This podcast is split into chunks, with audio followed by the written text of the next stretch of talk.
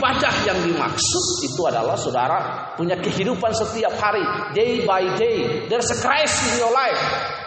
Ada Tuhan dalam hidup. Perhatikan di situ, Tuhan sebagai pemilik dari hidup, dari pelayanan berkata kepada mereka, I know about you. Berarti Bapak Ibu perhatikan Tuhan sebagai pemilik gereja mengetahui segala sesuatu yang kita kerjakan Segala sesuatu tidak terluput dari kehidupan Kehidupan kita Anda mau buat apa saja Anda mau buat dosa Anda mau berbuat yang bukan dosa Tuhan tahu Tuhan tahu Di situ dia katakan I know All the things that you have done Aku tahu segala sesuatu yang kamu kerjakan. Aku tahu segala sesuatu yang kamu lah kamu lakukan.